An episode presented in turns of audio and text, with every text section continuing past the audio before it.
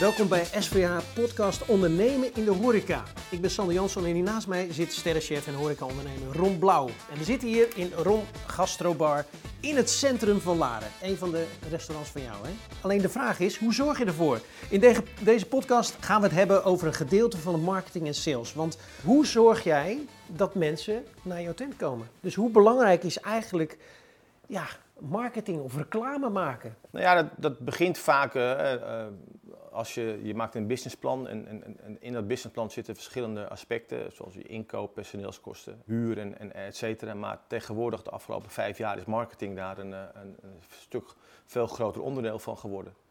Dus dat haal je er echt uit en dan ga je, ga je zitten van, oké, marketingtechnisch, wat kunnen we doen om, om uh, vanaf de start gewoon vol te zitten. Ga je kijken met acties, uh, buurtonderzoek, uh, flyeren. Dan ga je kijken naar regionaal, kunnen we daar wat doen? Nou, dan heb je misschien de regionale krantjes waar we, wat we vaak onderschatten. Die, dat weekkrantje wordt best nog wel heel vaak gelezen door, ja. door de mensen.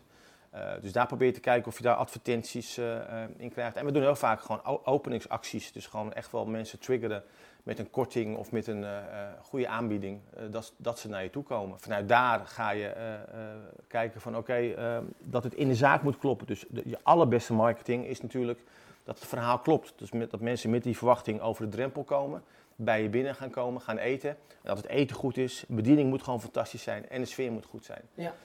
En daarna ga je, ga je verder op, uh, op uh, waar je al mee begonnen bent. Social media, Instagram, Facebook. En wij doen uh, heel veel mailingen, heel veel bestand opbouwen gelijk. Dus met ons reserveringssysteem koppelen we daar de e-mailbestanden aan.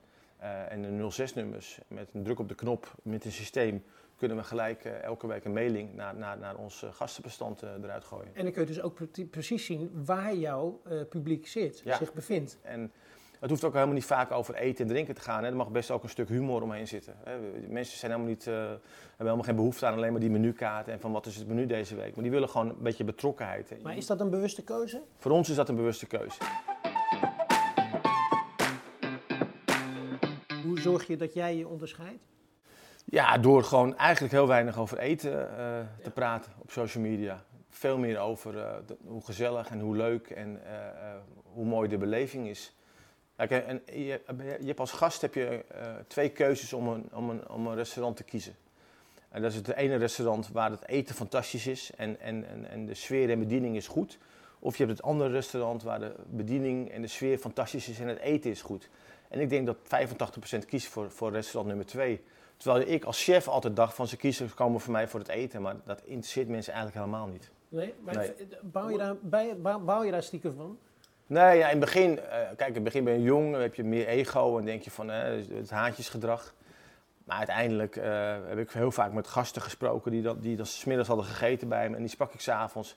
En wat, heb, wat heeft hij eigenlijk gegeten? Ja, iets met vis en frietjes, maar het zat wel lekker vol, het was gezellig. Dus ik denk dat het veel belangrijker is. Dat je bediening lacht, dat je bediening er zin in heeft. Een stukje je, entertainment. Entertainment is zo belangrijk erbij. Gewoon, gewoon dat je met een glimlach en met een warm gevoel wordt bediend en ontvangen wordt. En ook weer dat er iemand bij de deur staat als je weggaat. Dat, dat warme gevoel meegeven. Het gevoel geven aan mensen dat ze welkom zijn en dat het gezellig is. En dat, dat wij er een mooie avond van gaan maken. Dat ja. is je allerbeste marketing. En waar heb jij zeg maar, je marketing op ingezet? Op jouw doelgroep? Op Wat iedereen. Wij, wij, wij mikken op iedereen. We willen ook een restaurant zijn waar iedereen komt. Wij willen uh, geen trendy restaurant zijn. Ik kijk altijd naar een Franse brasserie of een Spaanse tapasbar.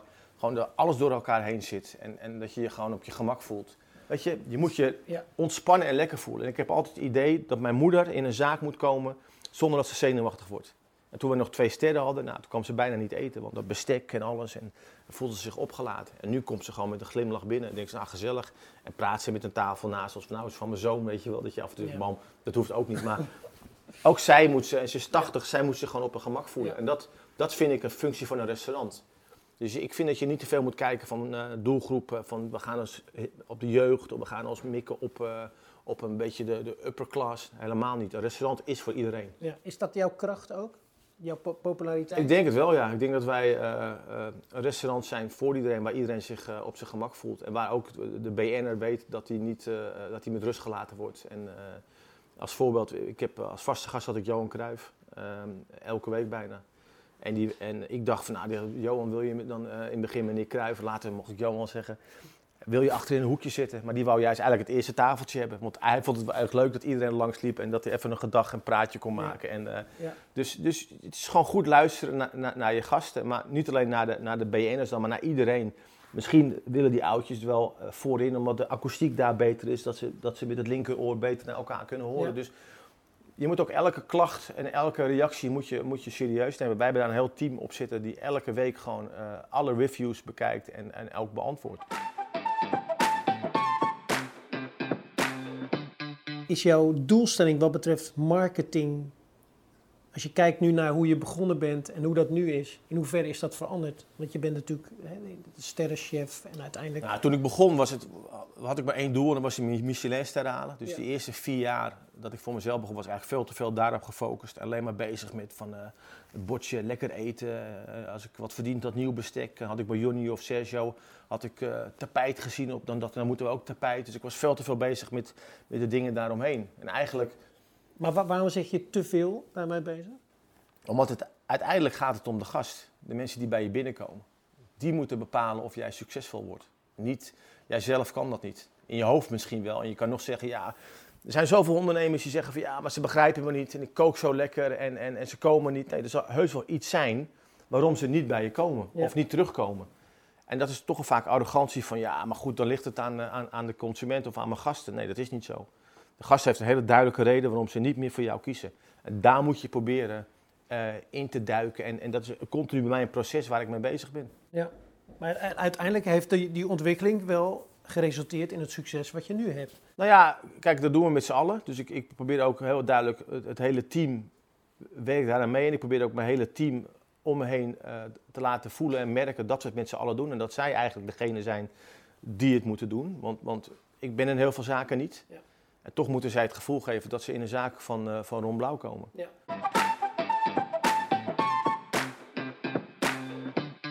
Maar goed, nu, je zegt het nu ook, hè? de zaak van Ron Blauw. Je bent je eigen merk. Ja. In hoeverre ben je daarvan bewust? Nou Ja, natuurlijk ben je daarvan bewust. Eh, kijk, als je bij 30 seconds in, eh, eh, als antwoord. eh dan zijn we kinderen. Kijk, wie zit in 30 seconds? Dus, eh, dus dan heb, je, heb je het Ja, dan- gemaakt. Dan heb je het wel gemaakt. Nee, maar kijk, ik ben er helemaal niet mee bezig. En ik heb ook nooit een manager gehad of een marketingbureau erachter. Ik ben eigenlijk gewoon altijd mezelf geweest.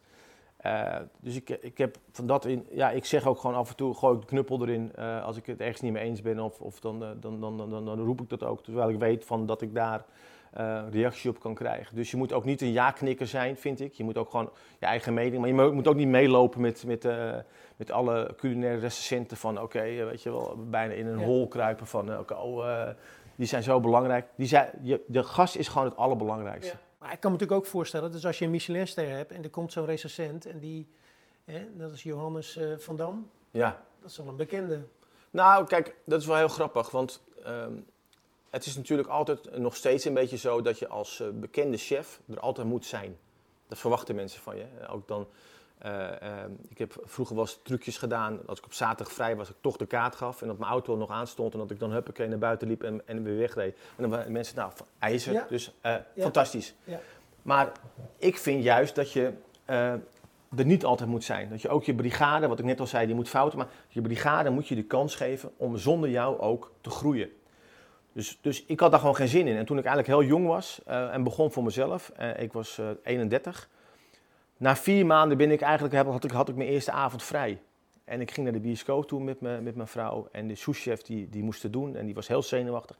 En ik wist zeker dat hij het kon. Ik zat in de bioscoop, ik kom naar buiten toe, ik heb 14 sms'jes. En ik denk, wat is er aan de hand? En dat, dan lees je als eerste het laatste sms'je. Nou, hij is nu weg, hij heeft lekker gegeten. En dan ga je terugscrollen, Johannes Verdam zat in de zaak.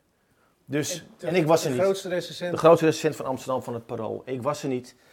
Ehm, nou ja, dan word je heel zenuwachtig. Eh, vier dagen voor de krant uitkomt, belt Tony Eijkme, bekende eh, Ja, eh, pianist. pianist, vaste gast. En dat was een vriend van me. Hij zegt, Ron, ga maar zitten. Ga maar personeel aannemen. Je krijgt een 9,5 in het Parool. En toen wist ik van, ik hoef er helemaal niet te zijn. Nee. Dat is onzin. Het is gewoon, het, dat heeft wel mijn leven veranderd. Want toen heb ik ook de keuze gehad om gewoon weekend vrij te nemen. En Ja. gewoon ook gewoon er niet te zijn. En ik, het moest gewoon net zo zijn als ik er niet was. Moest het eigenlijk... Bocuse zei altijd, Paul Bocuse. Meneer Bocuse, als u er niet bent, wie koopt er dan? En Bocuse zei dezelfde als ik er wel ben. je moet ook af en toe eh, kunnen accepteren dat je op je bek gaat. Ja. En, en je moet ook, vind ik, op je bek gaan om te leren. Ja. En we hebben ook een cultuurtje in Nederland, ook in de keuken of in de bediening, dat mensen geen fouten mogen maken. En mensen moeten fouten maken, vind ik. Ze moeten fouten maken om beter te worden, anders word je nooit beter. Als we het even terugkoppelen zeg maar, naar ehm, de marketingstrategie en zoals je zeg maar, begonnen bent, hè, dat je zeg maar, een twee-sterren chef wilde worden, naar nu, vind je dat je in die, in die, in die lijn fouten hebt gemaakt? Zeker. Ik heb te veel gefocust op Michelin en op eh, van nou, ik ga die ster halen. Pas eigenlijk dat ik na drie, vier jaar dat we bijna kopje onder gingen, eh, twee stages ging lopen. Eén was bij Gordon Ramsay. Nou, toen dacht ik van, oh, dit wil ik eigenlijk nooit bij mij in mijn eigen zaak. Dat is gewoon die, die, die sfeer die er hing. En, en toen kwam ik bij een andere zaak in, in San Sebastian in Spanje. Drie sterrenzaak. En daar was het zo ontspannen. En die hadden ook geen à la carte kaart, maar gewoon twee menus. En daar konden mensen uit kiezen. En toen kwam ik terug. En toen dacht ik, ik moet gewoon veel meer vanuit de humor en, en, en het plezier gaan, gaan werken. Ja. En toen heb ik de à la carte kaart eruit gegooid. Heb ik twee menus gemaakt. Een menu met, met nieuwe gerechtjes. Een menu met, met klassiekertjes. En eigenlijk een half jaar later kregen we de eerste Michelinster. En toen was ook de spanning, merkte ik gewoon bij me- iedereen van het personeel, was eraf en het plezier kwam. Ja. En, en toen merkte ik van, als het, hoe mooi is als je de deur open doet en dan staan daar twee man van goedenavond, welkom bij ons. En, en dat je echt denkt van, ze menen, het, ze menen het ook echt. Ja. Nou ja, en daarnaast is het je ook je onderscheiden. Ja. Los van het feit dat je natuurlijk een bekende kop hebt en een bekende, bekende naam, wat je te danken hebt met name uit je sterrentijd ook. Ja, tuurlijk. Ja. Ja. Ehm, En ook, je moet ook je momenten uitkiezen. Dus ik, ik heb ook periodes gehad dat ik elke week in het Stanhuigenjournaal eh stond van de Telegraaf. En dat ik echt wel eens dacht, van, ik moet gewoon even twee maanden een soort mediastop doen. Dat klinkt heel arrogant. Maar je moet ook geen overkill krijgen. Nee, Dat je er elke klopt. keer in met je kop ergens in staat. Want dan Ja. denken ze van, oké. Dus ook eh, als we verleden jaar televisie hebben gemaakt, uh, restaurant Misverstand. Ja. Echt bewust voor gekozen om gewoon twee maanden eventjes gewoon uit beeld te gaan. Marketing en sales. Ehm, social media kan je natuurlijk ook tegenwoordig maken en breken. Hè? Ik bedoel, je hebt reviews, je hebt eh, allerlei foodblogs, noem het maar. Ja. Het lijkt me Nou ja, best het- heftig Het is, het is een, dat is een hele heftige wereld. Als je daar echt heel, eh, heel erg mee bezig bent, is dat een hele heftige wereld. En, en, en er zijn restaurateurs die daar aan onderdoor gaan. Voor mij is de leidraad altijd nog Michelin. Eh, Michelin is voor mij gewoon degene die bepaalt eh, of ik het goed of, of, of niet goed doe. Ehm, en ik hou met bloggers en vloggers, eh, ja, ook daarin dat zijn we compleet doorgeschoten, vind ik. Die hebben veel te veel eh, macht gekregen. Mensen die, Ja. die, die, die, die thuis een keer een goede pasta, pesto konden maken, dachten gelijk dat ze foodblogger waren. En, en, en hebben gewoon 50.000 volgers op. eh, op Ja. Maar ik kan me voorstellen dat je dus beginnende ondernemer natuurlijk ook met je marketing en sales zit en denkt, ja, jeetje, moet ik dan die foodblogger doen? Nee, blijf bij ja, je eigen leven. Blijf bij jezelf. Ga niet in, in zee en ga niet in de verleiding komen om een aantal foodbloggers uit te nodigen en gratis te laten eten. Je merkt nu alweer dat, dat, dat ook op, op social media, op Instagram en Facebook, dat, dat, hebben mensen dat door. Je ziet ook aan de reacties. Je moet ook vaak naar reacties kijken op, op, op posts. Dat is ook Ja. heel leuk. Dan zie je vaak van, hé, hey, eh, weet je wel, mensen hebben het door. Of die zeggen, sponsored. Of, of eh, ja, ik, ik, ik heb een heel veel, groot klankbord van, van, van, van foodrecensenten om me heen. Die onafhankelijk zijn. Ja. Die ik toch vaak bij me laat eten. Om gewoon Ja. kritisch eh, gewoon hun mening te geven. Ja.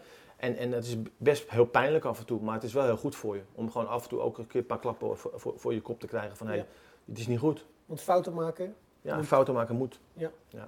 nou, dat is een hele goede tip. Hè? Dus hou je zo ver mogelijk van die foodbloggers. Volg je eigen koers. Ja. Zorg dat je creatief blijft. Niet alleen gefocust op het eten, maar ook op meer beleving.